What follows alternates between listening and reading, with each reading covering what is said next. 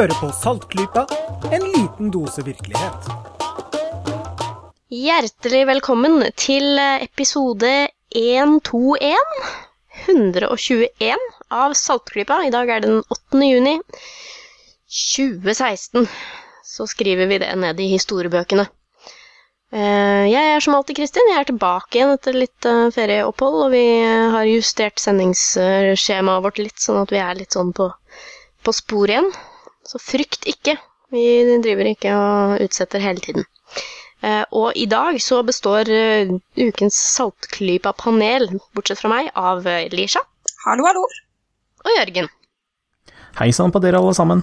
Det blir en litt sånn Ja, kanskje en litt, litt miniepisode i dag. Eller vi skal i hvert fall ikke legge ut om noen sånne kjempestore, dype temaer. For vi har veldig mye interessant vi vil snakke om. Men så vil vi gjerne at vi skal være så mange som mulig, fordi vi vil høre hva alle syns. Hva alle saltklypene syns om disse veldig morsomme, interessante temaene. Så vi, vi har liksom et lite lager da, av ting vi har lyst til å snakke om når vi er, når vi er fullt panel. Ting som Så- kommer i fra Ting som kommer. Ja. Uh, så i dag så tenkte vi at uh, vi tar og snakker om noen ting vi har eh, hørt om i det siste, som er litt aktuelle. Eh, og de tingene har jeg funnet ut at det er skikkelig forskjellige, så jeg kommer ikke til å klare å finne på naturlige overganger mellom dem, det er jeg helt sikker på. Men vi gjør eh, et forsøk på å gå gjennom dem for det. Jeg tenkte jeg skulle begynne, siden jeg er litt sånn frekk av meg. Um, Ja, fyr som. ja, bare protester hvis dere vil det. Men jeg, jeg bestemte meg nå for at jeg vil begynne med å snakke om eh, årets Kavli-pris. Eh, hvis dere ikke har hørt om den, så er eh, da Kavli-stiftelsen, som det heter, eh, grunnlagt av fysiker og filantrop Fred Kavli. Det er da på en måte det 21. århundrets nobelpris for tre sånn ekstra viktige og spennende områder da, som de har definert innen forskning. Nemlig Jeg astrofysikk trodde det handlet om kaviar, jeg. Nei, ikke akkurat det. Ok. Eh, men eh, det handler om noe som jeg syns er veldig spennende, nemlig astrofysikk. Så jeg er veldig, veldig enig der, at det er fryktelig viktig og spennende. Og det andre området, det er eh, nevrovitenskap. Og så er det nanofysikk. Og de, disse tre da, blir, blir også omtalt da, i, i forbindelse med Kavli-prisen som vitenskapen om det veldig store, og det veldig små, og det veldig komplekse. Det syns jeg er en veldig kul catchphrase. Eh, Så da er tre typiske områder hvor det stadig skjer banebrytende oppdagelser, da. Eh, Og seremonien er jo da i Oslo. Og vinnerne blir da annonsert og presentert ved Det Norske Vitenskapsakademi, en veldig staselig bygning i beste Drammensveien. Hvis dere får eh, sjansen til å dra dit en gang, så anbefaler jeg det. Og da forrige uke, når vi tar opp dette her, så ble årets vinnere presentert. Og jeg tenkte bare jeg skulle kort gå gjennom dem her. Veldig kort, altså. Ikke, skal ikke gå i dybden. Um, men jeg, jeg føler litt på relevansen da, for våre, våre verdier her i saltgruppa. Så hvis vi starter med vitenskapen om det veldig komplekse først, nevrovitenskap. Um, I år så gikk prisen til uh, oppdagelsen av mekanismer som muliggjør at nervesignaler fra nye erfaringer kan remodellere hjernen. Og Oi. eh, det går på det, den oppdagelsen som altså, Den er kanskje kjent for mange, for det, har jo vært en del formidling om det for de som følger litt med på populærvitenskap. Eh, Det er det prinsippet med at hjernen har en viss plastisitet, at den ikke er ferdig utvikla når vi er voksne, på en måte. Altså det ikke går an å eller at det er veldig veldig vanskelig å lære nye ting, f.eks. At det skyldes at hjernen er liksom helt statisk og ferdig utvikla. det går på det at det, har en viss plastisitet og kan om, omdirigere nervebaner og sånne ting da, i hjernen. Um, selvfølgelig veldig fortjent pris, og det er sånne ting som vil ha veldig stor innvirkning på utvikling av måter å behandle forskjellige nevrologiske sykdommer på, og som man tidligere da trodde ikke kunne behandles pga. at man ikke visste at hjernen var plastisk. Uh, skal vi se, jeg skal, jeg skal finne navnet på de som vant også, det er litt greit. Men uh, jeg, jeg klarer ikke å lære meg dette utenat. Er ikke hjernen din plastisk nok? Den er ikke plastisk nok. Den er faktisk uh, ubehagelig, men statisk i mitt tilfelle. Men nå er jeg bare én person, da. Den gikk til Eve Marder ved, i, fra USA. Eh, Mikael Mersenic, fra, også fra USA, University of California, og Carla Schatz fra Stanford University i USA. Så det var nevrovitenskap. Og så går vi til vitenskapen om det veldig små, nemlig nanovitenskapen. Den kan jeg jo også eh, si hvem gikk til. Den ble delt mellom Gerd Binnig, eh, tidligere ved IBM Zürich Research Laboratory i Sveits. Den gikk til Christoph Gerber, University of Basel i Sveits. Og Calvin Quaite ved Stanford University, og en til fra Stanford i USA. Eh, Nanovitenskapsprisen gikk til oppfinnelsen av og muliggjøringen av eh, det som på engelsk kaller atomic force microscopy. Det ble gjort allerede på 80-tallet. Jeg tror ikke det oversettes til atomkraftmikroskop, eh, for det ville vært noe helt annet. Men det er i hvert fall eh, Det utnytter da disse veldig, veldig, veldig små skala eh, eh, på en sånn måte at man, man, kan se strukturer nesten ned på atomnivå, da. Og det er sånne typiske ting eh, man ser bilder oh, oh, se strukturen til dette molekylet, liksom. Det, da er det gjerne atomic force microscopy som har blitt brukt. Eh, veldig, veldig mye brukt den dag i dag, altså. Hmm. Og det, det, var helt tilbake på 80-tallet, så det har liksom allerede rukket å bli en uh, ganske etablert greie, og da var det jo sikkert på tide at den prisen ble delt ut. Uh, videre så går vi jo da til astrofysikk, vitenskapen om det veldig store, og da går det jo an å gjette på hvem, hvem den gikk til. Hvis dere har noen teorier om det, så er det lov å si det før ja. jeg avslører det. Det må jo ha noe med disse Jeg husker ikke navnet på noen av de, men noen av de som drev med de gravitasjonsbølgene, har klart å påvise det. Det er eh, helt riktig. Eh, det var da selvfølgelig da Kip Thorne og gjengen. Uh, skal vi se hva Det andre het Jeg husker jo ikke det.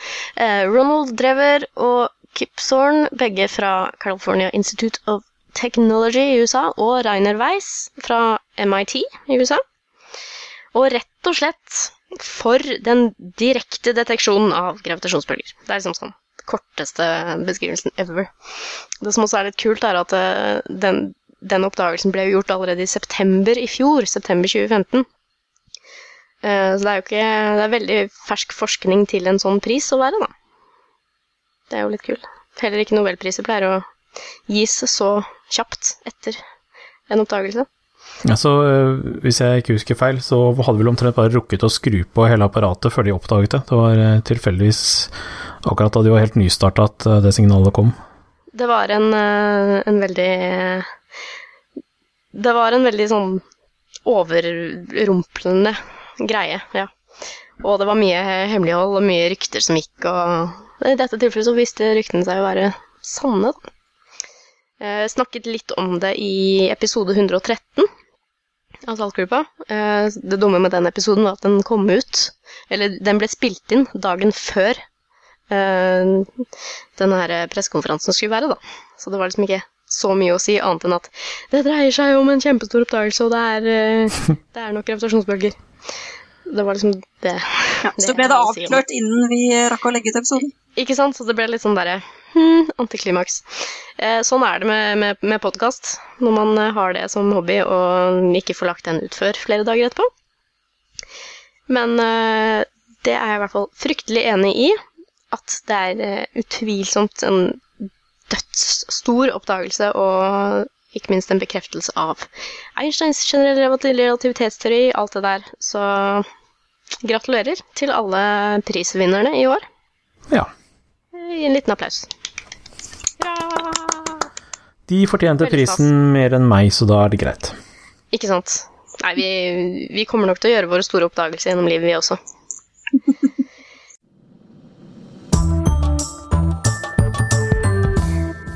men eh, du har oppdaget også noe, noe i eh, avisen, Jørgen. Jeg tenkte kanskje du skulle si noe om, komme litt ned på jorda og, og, snakke om noe litt mer sånn En liten sånn artig sak da, som, som begynte veldig ikke-artig, vil jeg kanskje si.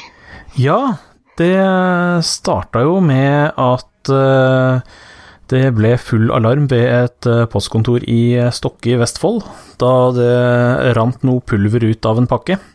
Uff da. Det ja. Er ikke et godt tegn, som regel. Nei.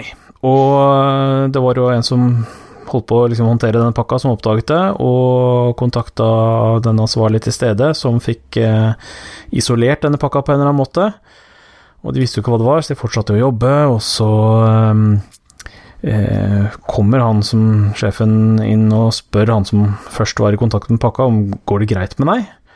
Og da hadde han begynt å føle seg eh, ikke så bra, med klø i nese og, og følte seg ikke bra. Nei, det er veldig dårlig tegn, altså. Nei, og, og han ansvarlige hadde jo da også begynt å føle på at eh, nå snurpa det seg i halsen, og dette var ikke bra. Og eh, det ble litt panikk, da. Er det anthrax, altså um, Mildt brann. miltbrann, ja. Det er jo den store skrekken etter diverse saker i USA, blant annet.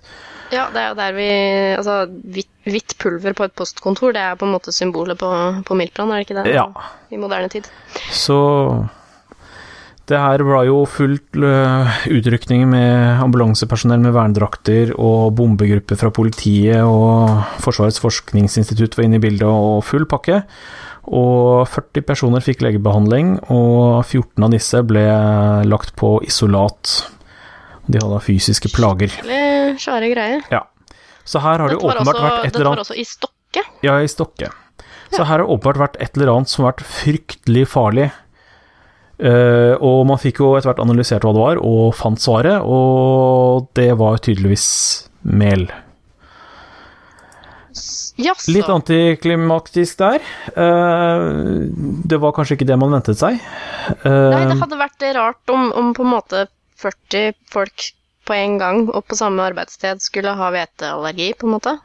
Ja, og det er nok ikke det som er inne i bildet heller. Uh, og her må jeg for en gangs skyld berømme en journalist. Veldig ofte så slenger vi skit til journalister som eh, framstiller ting veldig, veldig gærent. Her har vi en veldig fin og opplysende artikkel skrevet av Bjørn Egil Halvorsen i Aftenposten. Eh, som forklarer hva dette er, med gode intervjuer med eksperter. Og vi snakker jo her om en eh, psykologisk effekt, vil si det er jo eh, også fysiologisk, men altså nocebo-effekten, som er eh, Placeboeffektens onde tvilling. Nemlig. Så det at man frykter noe, gjør at ethvert lite symptom framstår som mye verre enn det var i utgangspunktet, og man kan innbille seg de verste plager. Men det er også litt typisk hva det er snakk om her, da. Det er liksom sår hals, sår nese, eller altså det klør, stikker. Og hvem som helst kan jo på et tidspunkt føle et ubehag et eller annet sted. Liksom, det klør i hodebunnen, og det, hvis du blir redd for det, så plutselig så stikker det i stedet. Og øh, det er en veldig fin beskrivelse av øh, hva dette fenomenet er. Med gode intervjuer med, skal vi se her, Magne Arve Flaten ved biologisk ja, professor i biologisk fysiologi ved NTNU. Og vi har øh, en vi har nevnt opptil mange ganger øh, her i podkasten, Christian Gundersen, som også er og uttaler seg i artikkelen. Smart fyr. Um, og det er litt redegjort for tidligere eksperimenter og sånn, og så man får litt innblikk i hva dette er for noe. Og det er jo sånn grunnkunnskap som er nyttig å ha, dette med å kjenne til nocebo-effekten i tillegg til placebo, for det forklarer så innmari mye. Um, Hvor, hvor, altså hvor, hvor kraftig den er. Altså Ja. et eksempel jeg veldig liker, Et uskyldig eksempel da, som jeg liker å, å trekke frem, er at hvis noen begynner å snakke om kløe, så Altså, du begynner jo å klø. Ja. Hvis du, hvis du leser en artikkel som handler om klør Nå klør jeg i nesa, liksom, eh, fordi jeg begynte å snakke om det.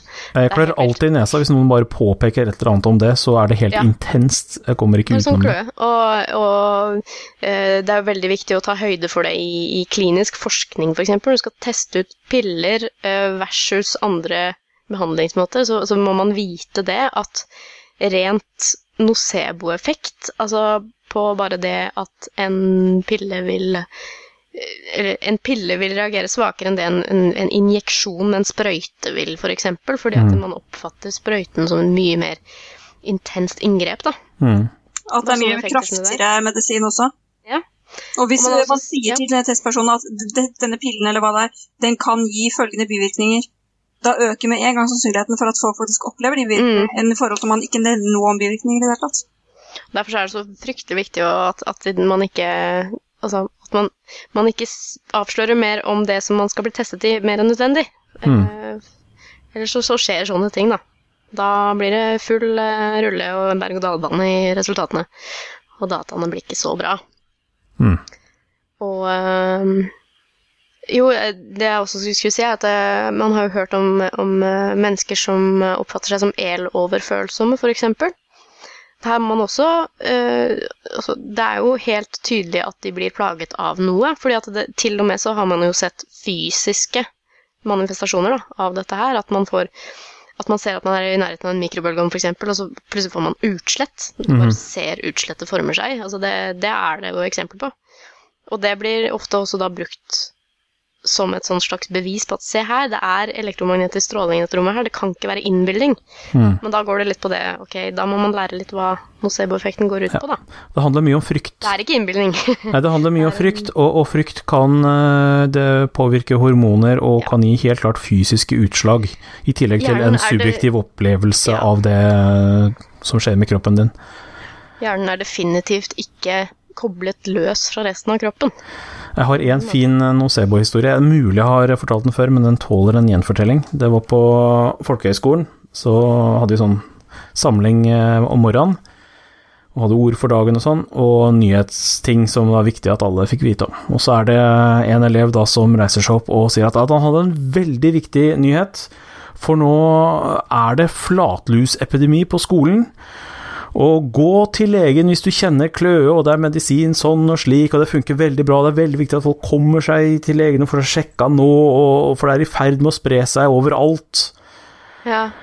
Og det var altså så gøy å gå liksom sammen med den gjengen ut etterpå og høre på alle liksom snakke om Å, jeg, jeg syns det klør, altså, men jeg syns Ja. det er rart, jeg burde ikke blitt smitta, jeg. Øh, øh. Ja, helt fantastisk. Ja, jeg fikk faktisk tannpine en gang jeg, av nocebo-effekten. Eh, Ja. For jeg, jeg får innkalling ikke sant, en gang i året. Og for noen år siden så fikk jeg det, men på et tidspunkt da jeg kom til å være ute og reise. Så jeg sendte svar til dem at jeg kunne ikke komme den timen, jeg måtte få en annen time. Og da tenkte jeg at jeg håper at jeg får innkallingen før jeg skulle reise. For jeg hadde liksom ikke lyst til å løpe rundt uh, i Agra eller Delhi eller gud vet hvor og selv etter en tannlege da, hvis noe skulle skje. Men det fikk jeg ikke. Jeg fikk ikke time før eh, et par uker etter at jeg kom til å komme hjem. Og da, når jeg da ble litt bekymret, ikke sant, for kanskje jeg kunne få noe galt med tennene på denne reisen, da følte jeg virkelig at uh, det begynte å murre, ikke sant, i et Jeg vet at jeg har problemer med noe sånn potensielt hull som ikke utvikler seg videre, da. Men Mm. da begynte jeg med en gang, og der snakker vi bare om noen få timer, så begynte det Jeg kjente virkelig at uh, nå skjer det noe, liksom. Mm. Du Og det gjorde kjenner det så innmari mye etter. Ja, så, For da var jeg så nervøs for det, ikke sant. Mm. Og da begynte det liksom å skje med en gang. Men når jeg da var til tannlegen noen uker senere, så var det jo selvfølgelig ingenting. Bare innbilning. Mm. Nei, altså, det er dødsfascinerende.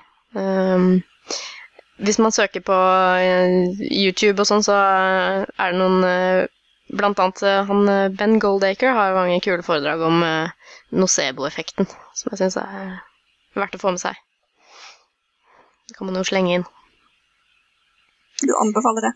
Jeg anbefaler egentlig det sånn i farta, Mm. rett og slett. Greit, da har vi lært litt om nocebo-effekten i dag, folkens. Ja. Uh, og så er det da som sagt så utrolig forskjellige temaer vi snakker om i dag, at jeg har ingen måte å gå naturlig over til uh, neste sak.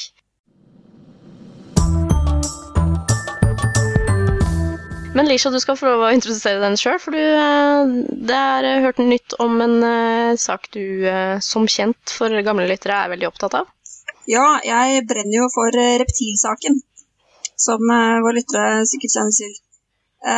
Og der er det, det er ikke noe konkret utvikling foreløpig, men vi nærmer oss at det skjer noe. Skal vi bare Og- oppsummere hva reptilsaken er? Vi snakker ikke om romreptiler som har tatt over verden eller noe sånt nå, det er eh, noe litt mer jordnært. Det jordnært. opptatt av eh, David Ike, Icke, eh, skjønner du. Eh, Nei, det er ordentlige reptiler som eh, bor omkring i de tusen hjem, eller i hvert fall eh, 100 000 av de tusen hjem.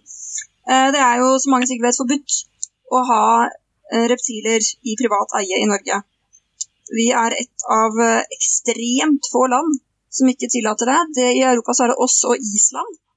Eh, islendingene har jo av åpenbare grunner eh, muligheter for å håndheve det forbudet, og det har ikke vi. Så det er masse, masse, massevis av repetiler nå i landet. Eh, eh, bransjeforeningen for eh, zoohandlere, altså dyrebutikkene, de anslo for noen år siden at det var snakk om minst 100 000. Eh, men det var jo da basert på det salget som de har, og det er klart at mange kjøper i Sverige eller på internett. Så det anslaget er nok lavt. Eh, det er uheldig fra dyrevernsmessig perspektiv, da, fordi mange av disse dyrene har ikke tilgang på dyrleger. Fordi eierne er redde for å ta dem med, rett og slett, fordi de kan bli anmeldt, og da skal dyrene normalt avlives. Eh, og dette regelverket det skal håndheves av Mattilsynet. Og de er egentlig drittlei hele greia. Uh, og de ser jo det at det, dette lar seg ikke håndheve. Så de ønsker en oppmykning av det regelverket. Eh, men likevel, hvis dette går gjennom, så vil vi ha det strengeste regelverket i Europa, bortsett fra da, Island, som vil fortsatt ha et forbud. Mm. Eh, det skal, Hvis Mattilsynet får det som de vil, så ønsker de å få innført en positiv liste. Altså en liste på et par og 20 arter som kommer til å være tillatt å holde. da. Eh, og det er arter som er valgt ut etter spesielle kriterier. At de er små, at eh, de har eh, enkle kriterier for eh, å ha det bra i fangenskap, at de ikke er giftige, at de ikke blir store nok for å, bli farlige for mennesker, eh, og at de eh, har si, gemytt, altså det gjør at de kan trives i fangenskap. Um, og denne lista her, den har nå eh, Mattilsynet De har hatt den på høring, folk har kunnet komme med innspill. Og nå har de da Nå mener de de er helt ferdig med den, og nå vil de at eh, det skal løftes opp på politisk hold, og at det skal tas en beslutning. Uh, og dette her, det er jo da ikke noe som Stortinget trenger å ta hensyn til. For det er ikke en lov, det er regelverk. Så departementet forvalter det, og de kan bare godkjenne det uten at statsråden trenger å involveres. Mm. Uh, og nå, nå pushes det veldig på, da. Mattilsynet de vil ha en avklaring på det. Så vi i reptilmiljøet vi håper jo veldig på at den lista skal godkjennes nå. Hvis ikke så blir muligens saken lagt død i ja, gud veit hvor lenge. Noen år til, liksom. Ja, det kan være snakk om mange år også. Ja. Uh, og vi ønsker jo selvfølgelig at dette skal gjennomføres nå som vi har Frp i regjering, for de er det eneste partiet som har gått ut og sagt at de støtter den endringen i regelverket. Hm. Eh, men i hvert fall, nå skjer det ting, da. Og i den grad at eh, Dagsrevyen hadde en reportasje om det. Eh, det var vel faktisk så seint som i går. Og det var en overraskende god reportasje. Hvor ikke bare de hadde hanket inn noen rabiate dyrevernere for å komme med skremselspropaganda, men de hadde snakket med en dyktig ansatt på Oslo Reptilpark. Og Tor Håkonsen, som er leder for Norsk herpetologisk forening. Og jeg ville bare snakke litt mer om det, fordi de nevnte ting som eh, jeg bare ville gjøre enda klarere enn de gjorde i Dagsrevyen. sagt Det var en god reportasje. Eh, men det som de la en del fokus på, det var dette med salmonella. Ja, ok. Og det er derfor eh, noen, noen er reelt bekymra for det. Og andre, som f.eks. Dyrevernalliansen, påstår at de er bekymra for det. Eh, men det er ikke egentlig noe å være bekymra for. Det Jeg skjønner jo det, at når folk hører at reptiler er smittebærere og du kan få salmonellainfeksjon, eh, så høres det skremmende ut. Men det er ikke egentlig noe å være så veldig redd for. Eh, For det første så er det grunnen til at Det kommer nemlig ikke helt ordentlig frem her. Grunnen til at man snakker om at reptiler, alle reptiler er bærere av salmonellasmitte, det er fordi vi kan ikke bevise at de ikke er det. Fordi salmonella det er jo noe som er farlig for mennesker. Vi kan utvikle sånn salmonellose, som er eh, farlig og farlig. Hvis du er frisk og ikke et veldig lite barn eller en veldig gammel person, så er det bare veldig ubehagelig. Men det er jo ikke noe som tar livet av det, da. Eh, men det er ubehagelig. Eh, men reptilene altså, de bærer på salmonella, men de kan ikke få salmonellose. Så de blir ikke syke av at de har dette her. Eh, og vi kan ikke si at et enkelt individ har det eller ikke har det, fordi det er ikke aktivt. Selv om de kan ha det i kroppen, så er det ikke nødvendigvis aktivt. Jeg har jo tre reptiler selv, og om jeg test, fikk testet avføringen deres hver eneste dag i et år, så kunne jeg få negativt resultat hver eneste dag. Men allikevel kunne de ha den smitten i kroppen. Fordi det kunne ligget og slumret og ikke utskilt noe. Og jeg tester hver dag et år, og Oi, de er sikkert salmonellafri. Men så den 366. dagen, da jeg hadde sluttet å teste, da plutselig er det Ja, aktivt, Ja, og smitten skilles ut. Så derfor så må man si at alle reptiler må antas å være bærere av salmonella. For det går ikke an å bevise at noen enkeltindivider ikke er det. Mhm. Men det er ikke sånn at de er salmonellabomber som gir deg magesjau som om du sitter i samme rom som dem. Det er det selvfølgelig ikke. Eh, og den faren for å bli smitta, den er veldig overdrevet. Eh, det finnes jo land hvor de har Selv om det er faktisk ganske mye reptiler i Norge, så er det jo land hvor de har veldig mye mer. F.eks. Storbritannia så er det kjempevanlig å ha reptiler som Ja, de er ikke kjæledyr, men å ha det som familiedyr, da. Og det er nesten ingen tilfeller av salmonellose smittet fra reptiler. Faktisk er det betydelig mye flere tilfeller med smitte via hest. Mhm. Mm. Sånn at det er det, i, I andre land da, hvor dette dyreholdet er mye mer vanlig, og mye mer åpent, så skjer det allikevel nesten ikke uh, at slike smittetilfeller forekommer. Uh, og så er det jo det å huske på, for mange tenker jo da, når de ikke vet noen ting om disse dyrene, at hvis de er smittebærere, så er det automatisk farlig, fordi er det kjæledyr, så har du masse fysisk kontakt med det. Men dette er dyr som hovedsakelig er eh, ja, å si til pynt. Det er jo, høres jo litt stygt ut, men det er, altså, det er pryddyr og hobbydyr mye mer enn kjæledyr. Uh, eksempel en uh, slange kan jo fort vekk ha salmonella, selvfølgelig, men eierne vil jo omtrent aldri ta på den i mange tilfeller. ikke sant? Den lever i terrariet sitt, og man observerer den, men man har ikke fysisk kontakt uh, i noen enhver grad. Og da da har du eliminert uh, den absolutt hovedsakelige smittekilden. Mm. Så gjelder det at man har normalt god håndhygiene, vasker seg på hendene uh, når man har tatt dem på dem. Og da blir jo ikke det slik at man må vaske seg på hendene hvert femte minutt, for du har ikke den fysiske kontakten som du ville hatt med f.eks. en bikkje. Du driver ikke og begraver ansiktet ned og sier bo, bo, bo, bo, bo, sånn som du gjør med hundevalper? Eh, jeg har en tendens til å gjøre sånne ting. Jeg, okay, okay, jeg jeg har skilpadder, og de er eh, blant de mer uh, sosiale, da. Så disse mine, når de er ute og går, så kommer de og travler opp på fanget mitt og sånn. Så fint. Eh, så det Men jeg, som faktisk, i med tanke på det her da, jeg har veldig mye fysisk kontakt med mine. Og jeg har hatt dem mine nå ti år. Og jeg har da aldri blitt smittet av noe som helst. Eh, så det kan skje. Men det er ikke som noen, noen, som noen trenger å bekymre seg for at hvis eh, naboen i etasjen under skaffer seg en skjeggagam, så kommer hele blokka straks til å ligge strak eh, Ja. og spy i begge ender. Altså, Det er ikke snakk om sånn meslingaktig luftbåren uh, nei, det er det ikke. Uh, du må omtrent eh, drikke vannet de har gjort fra seg. Altså, det skal ganske mye til. Og i mange tilfeller så er jo da som sagt ikke dette aktivt i kroppene deres. Så selv om de bærer det, så er de ikke automatisk smittefarlige til enhver tid av den grunn. Eh, og det er klart, det her kan jo disse som var med i den reportasjen ha sagt mye mer om enn det som kom frem. For den måtte jo klippes ned til passende tid. Eh, og det vil jeg bare ha frem, da. Det er ingen grunn at folk som er i normalt god helse og har normalt god hygiene, skal være redd for det. Men det betyr vel da tilsvarende at eh, for eldre, sykelige og veldig små barn, så bør man kanskje holde dem unna reptiler, da, for sikkerhets skyld. Ja, absolutt, og passe på ekstra god hygiene.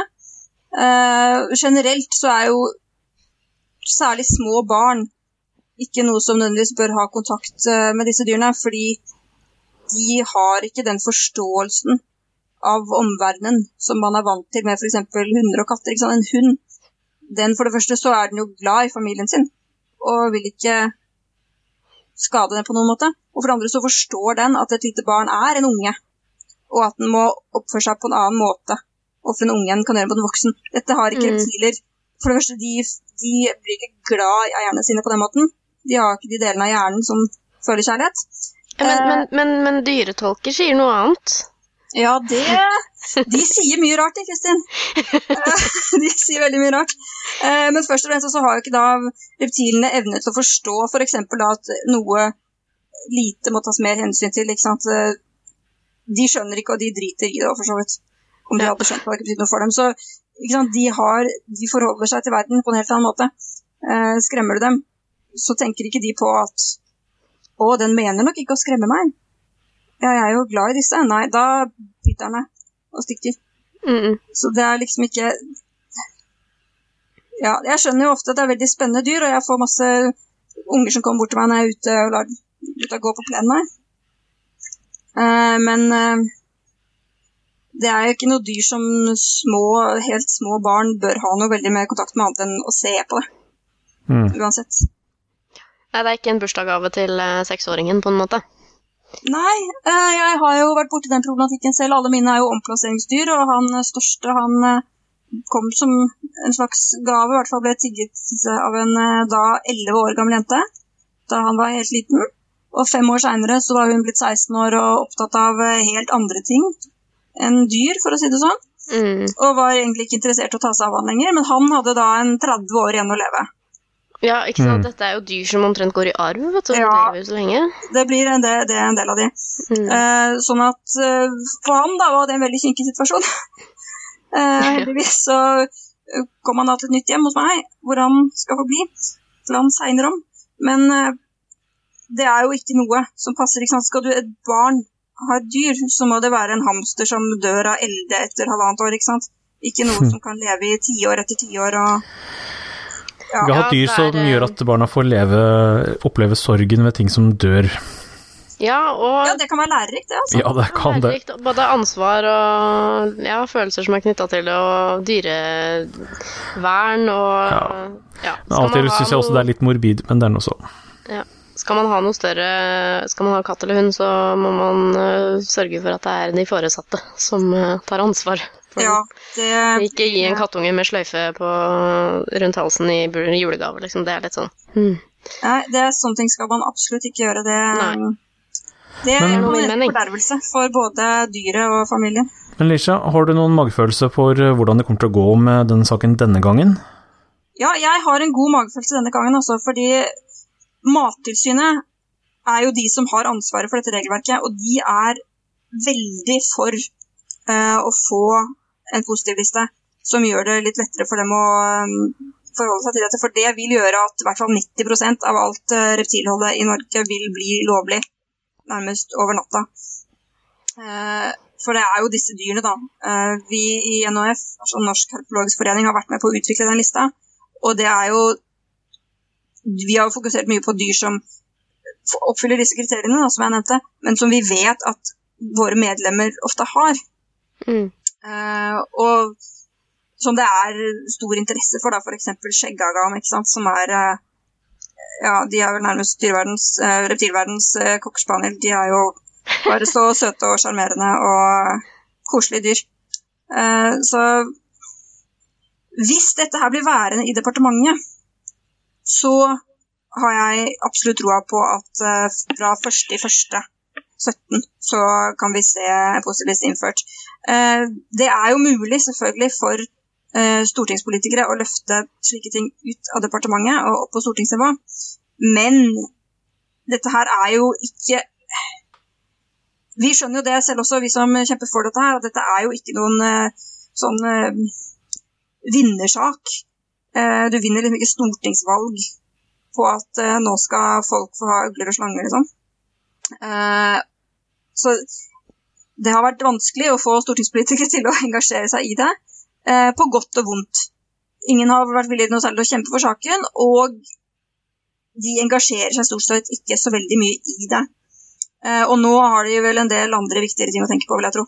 Mm. Eh, sånn at forhåpentligvis så blir det verne i departementet, og de ser jo at de som forvalter det, eh, både eh, Mattilsynet og da selvfølgelig også politiet, som skal håndheve dette her, de, de driter jo i hele greia, egentlig. De ser jo at dette er jo ikke noe de kan håndheve. Hmm. Eh, Grunnen til at jeg spør, da, er fordi eh, denne saken har jo vært oppe før, for ikke for altfor mange år siden. Det er vel i 2013 Ja. at det var eh, en tilsvarende behandling. Ja, det var den samme lista som bare har blitt bitte lite grann eh, omarbeidet. Ja, eh, og da var det landbruksminister Trygve Slagvold Vedum som satt da, som uh, satte foten ned. Og det, så vidt jeg husker fra den gang, så var vel det mer eller mindre han personlig som bare syntes at nei, dette er unaturlige dyr i Norge, så det skal vi ikke ha. Ferdig. Etter en ja. lang, lang saksbehandling. så det jeg bare lurer på, er risikerer vi at det kommer en samme type dårlig begrunnet eh, avslag denne gangen også? Nja, det er uh, Han det, det, stopper jo lite grann der, da. Og i de siste turene som vi har hatt opp med dette her, så har det jo vært eh, Du nevnte Slagsvold Vedum, og ganske riktig, han er jo som senterpartist ikke noen forkjemper for dyrenes rettigheter, for å si det mildt. men unnenfor der så var det Terje Riis-Johansen. Og han lå saken død i sin eh, ministerperiode, rett og slett fordi han syntes at slanger er så ekle. Det var grunnlaget hans for det. Her har du argumentene. Ja, det var eh, rett og slett eh, Jeg mener å huske at han sa at det skulle bli over hans like. Hvis at det skulle bli tillatt i Norge. Ja. Så kom Lars Peder Brekk. Hadde saken kommet opp under ham, så hadde den gått igjennom. For han var positiv til dette, og han støttet Mattilsynet. Men han ble da ikke sittende, så ble det Trygve Slagsvold Vedum som tok over. Og han, som du sier, eh, han er vil ikke hjelpe verken reptiler eller elefanter eller ulver eller noe som helst. Uh, så det det stoppet jo der. Uh, han, han, ser, han som sagt, han er senterpartist, han ser på dette med dyrerettigheter og dyrevelferd fra et bondesynspunkt. da hvor dyr er noe som skal være nyttig for mennesker. Og er det ikke nyttig, så trenger vi dem jo ikke. Og basert på norske kulturverdier, kanskje? Ja. Sånn, litt sånn. Mm. Eh, og kommer med sånne fine ting som at uh, disse dyrene de uh, hører jo ikke til i Norge. Nei, for det finnes ingen sånn Norge. Ja, akkurat som dvergpapegøyer, liksom. ja, ikke sant. At, det, reptiler hører jo selvfølgelig til i Norge. Vi har jo uh, et flertall arter mm. som bor og lever her og trives helt fint. Men grad man er bekymret for at disse skal rømme ut og spre seg og fylle opp norske skoger med teppepyton og gud vet hva. Et av kriteriene på disse artene på listen er at de ikke kan overleve eh, i norsk natur og norsk klima. Så det kommer ikke til å skje. Men det som er fordelen nå, da, er at eh, PT så er det jo Frp som har landbruksministeren. Og de er som sagt for at dette skal bli lovlig. Og de, det har de sagt helt konkret at eh, de ønsker en oppmykning av regelverket, og de er for uh, å ikke gjøre det helt sånn som det er i Sverige, hvor egentlig alt er tillatt med de rette sittspapirene. Men de vil ikke videreføre forbudet. Så jeg ser ingen grunn til at uh, han Jon Georg Dale skal ta dette videre til Stortinget. for han støtter Mattilsynet. Mm. Sånn at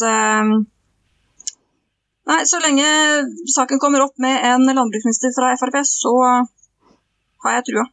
Ja, vi får i hvert fall håpe at det ikke blir et eller annet idiotisk følelsesladet avslag denne gangen, men basert på noe rasjonelt. Ja, det uh, altså hvis man ser rasjonelt på det og prøver å bruke vitenskapelige argumenter, så går det jo ikke an å komme med noe avslag, fordi altså, loven ble innført fordi disse dyrene uh, Det var så fælt for dem å leve her for de passer ikke inn i vårt klima. Og nå må vi beholde loven, fordi det er så farlig at de kan komme til å etablere seg i norsk natur. Altså, dette henger jo ikke på greip, ikke sant? Eh, her må man liksom skjære igjennom, og det er klart det finnes reptilarter som ikke hører til her, men som kan overleve her. Det betyr jo ikke at de kan etablere seg, for de klarer jo ikke å uh, formere seg. Uh, men voksne individer kan sikkert leve i lengre tid av en hel del arter.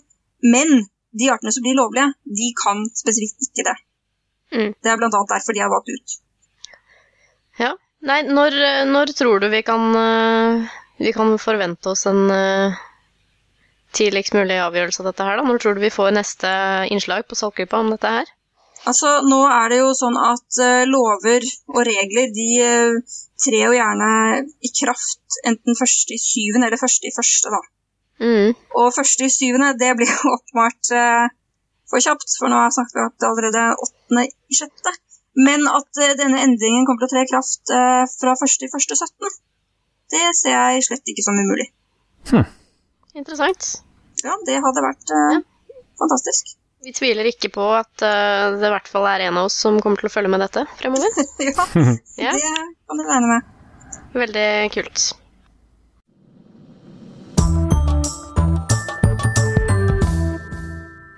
All right. Er vi klare for litt anbefalinger? Ja. Jeg, eh, jeg har et par anbefalinger, jeg. Så jeg tenkte jeg bare skulle skyte inn. Eh, jeg pleier jo å, å si fra her hvis det blir, an, hvis det blir holdt skeptikertreff i hovedstaden. Eh, jeg er jo med på å orge litt på det. Skeptikere på puben Oslo skal eh, møtes eh, 20. juni. Og denne gangen så håper vi det blir fint vær. Eh, fordi vi har bestilt på asylet på Grønland, og da er det veldig, veldig fint å sitte ute på asylet. Det er en veldig koselig bakgård, så Mhm. vi satser på det. Eh, legger ut lenke til alle påmeldinger og Facebook og alt mulig sånt. Og så har jeg en ting til jeg vil anbefale. Jeg vil anbefale en podkast, sånn som du pleier å gjøre. Det er hyggelig når noen andre enn meg anbefaler en podkast. Stakkars lytterne våre blir bare bombardert. Denne her syns jeg var veldig gøy. Det, det er eh, nærmere bestemt en rekke episoder i en spesiell podkast. Jeg tror jeg har anbefalt denne her før. Eh, Podkasten heter Oh No Ross and Carrie. Oh No Ross and Carrie er en podkast laget av to usedvanlig engasjerte eh, ja, journalistmennesker. som ja, undersøker rare alternativbehandlinger og uh, selsomme trossamfunn og alt annet som, uh, som de som er på en måte interessert i typ vitenskapelig skeptisisme og litt sånn forskjellige ting, da, uh, også er interessert i. Eh, og de gjør det sånn at du skal slippe å gjøre det. Det er på en måte greia deres. Eh, og i, de har holdt på i ganske mange år, og de siste fem årene så har alle lytterne mast og mast og mast og mast og mast. og mast. Kan dere ta for dere Scientologikirken? Kan dere, vær så snill, når skal dere ta Scientologikirken? Gjør det da, ikke sant? Og det er jo ikke bare en veldig kostbar affære, det er jo litt av Altså, det er jo Det er en stor bit å bite av. Det Så det har tatt tid. Men nå, nå har de da klar en De siste er det ni ukene, så de, de har lagd en, en føljetong, og de har foreløpig da avsluttet den nå. De skal sikkert komme inn på De skal sikkert ha noen oppfølginger etter hvert. Men eh, det, det er en sånn uendelig føljetong som nå endelig er avsluttet etter ni episoder om Scientologikirken. Uh, og det er jo som vanlig hysterisk eh, festlig å høre på. De er jo eh, Altså, de snakker jo nesten i munnen på hverandre. De er så ekstremt godt eh, Altså de- Samkjørte. liksom- ja, ekstremt samkjørt. De fullfører hverandres setninger og snakker uh, i kor, og det er superdupert å høre på. De er veldig dyktige i sitt, i sitt virke, da. Uh, og det er sikkert mange som har lyst til å høre hva som skjedde da de prøvde å ta kurs på, i scientologi og prøve å klatre oppover stigen og gå på rare møter og møte de veldig rare menneskene som, som uh, bor og jobber der. Og hvor paranoid man blir uh, av folk som konstant driver og spør 'Hvem er du? Hva heter du? Hvor mange kurs har du tatt?' What's your day job? Ja. uh, Når blir de tatt? Ja. En liten De blir jo eh, tatt til slutt, da. Ja, de blir tatt til slutt. Det, det Ja. er jo egentlig bare sånn det kunne avsluttet, tror jeg. Ja. Uh, ellers hadde det nok sikkert vært oppe i Sea Org for lenge siden. Eh, og blant annet da hvor utrolig lei eh, Carrie blir av eh, quiche etter hvert. Sånne type matretter og sånn som de server blir servert hele tiden. Og ja, også disse spørsmålene som hele tiden blir stilt, og folk som ringer flere ganger om dagen til dem. Og det er, det er kjempeinteressant. Og ja også hvor dysfunksjonell den kirken er. Hallo! Ja, Det er, det er fantastisk å høre på. Det er veldig bra. Og selvfølgelig da resten av podkasten også, for de som ikke har hørt på den. Veldig anbefalt. De går og eh, prøver tarmskylling og eh, oksygenbar går de på, og de prøver ørelys og masse behandlinger og sånne ting. Og de har fått blitt innlemmet i mormonerne og andre sånne trossamfunn og sånn okkulte foreninger og ja. Veldig, veldig, veldig underholdende. Eh, de er veldig sånn eh, Sånn stunt investigators, da, kan man kanskje si. Mm. Veldig kult. Det var mine anbefalinger for i dag. Jeg eh, kom på en eh, mens du prata. Dette er en litt Ja. morsom nyhet akkurat i dag. Så når denne episoden kommer ut, så er det sikkert kommet noen oppfølginger som jeg ikke har kunnskap om per i dag, men det er litt kult. Ehm, Det er For en stund siden så ble det funnet en død person i en eh, brønn på Sverresborg i Trondheim. Og som vanlig når man bare finner et menneskelik, så vet man jo ofte ikke helt hvor gammelt det er, men man fant fort ut at dette måtte være sånn 1100-tall-aktig. Og det passet veldig godt overens med en eh, sagahistorie om eh, baglerne som overtok Sverresborg i eh, 1197. Og da kastet de en død mann i brønnen, forteller historien. Og så finner de da en brønn med en død mann. Eh, og nå har de eh, Det liksom var liksom første greia som eh, Det var vel i fjor at eh, det begynte å komme resultater om at jo, dette ser lovende ut, men vi vet jo ikke sikkert. For det er veldig sjelden at man har historiske hendelser som blir bekreftet arkeologisk.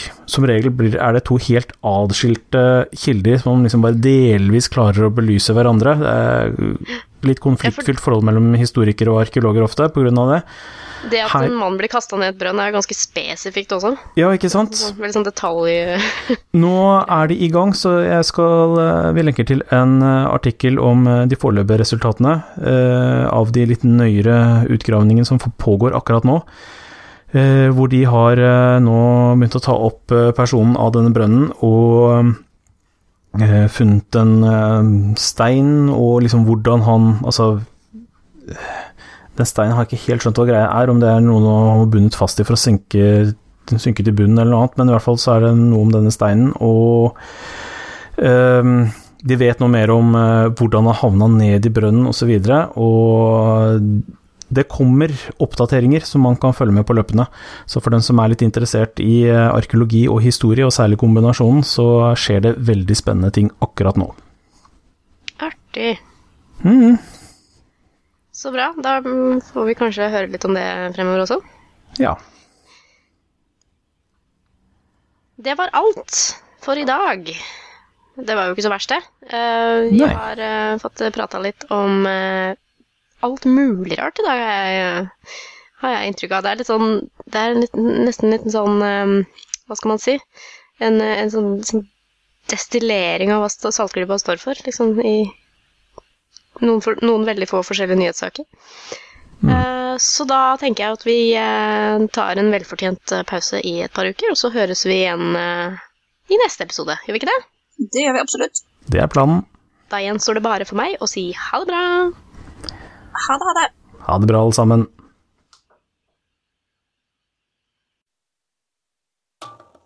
Saltklypa lages av Kristin Lisha, Jørgen og Bendik. Har du spørsmål, anbefalinger, ris eller ros, send det til post at saltklypa.no, eller finn oss på Facebook.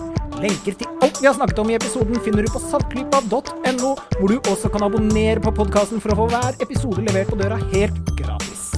Takk til Smart 9000 fra Evig poesi som har laget kjenningsmelodien.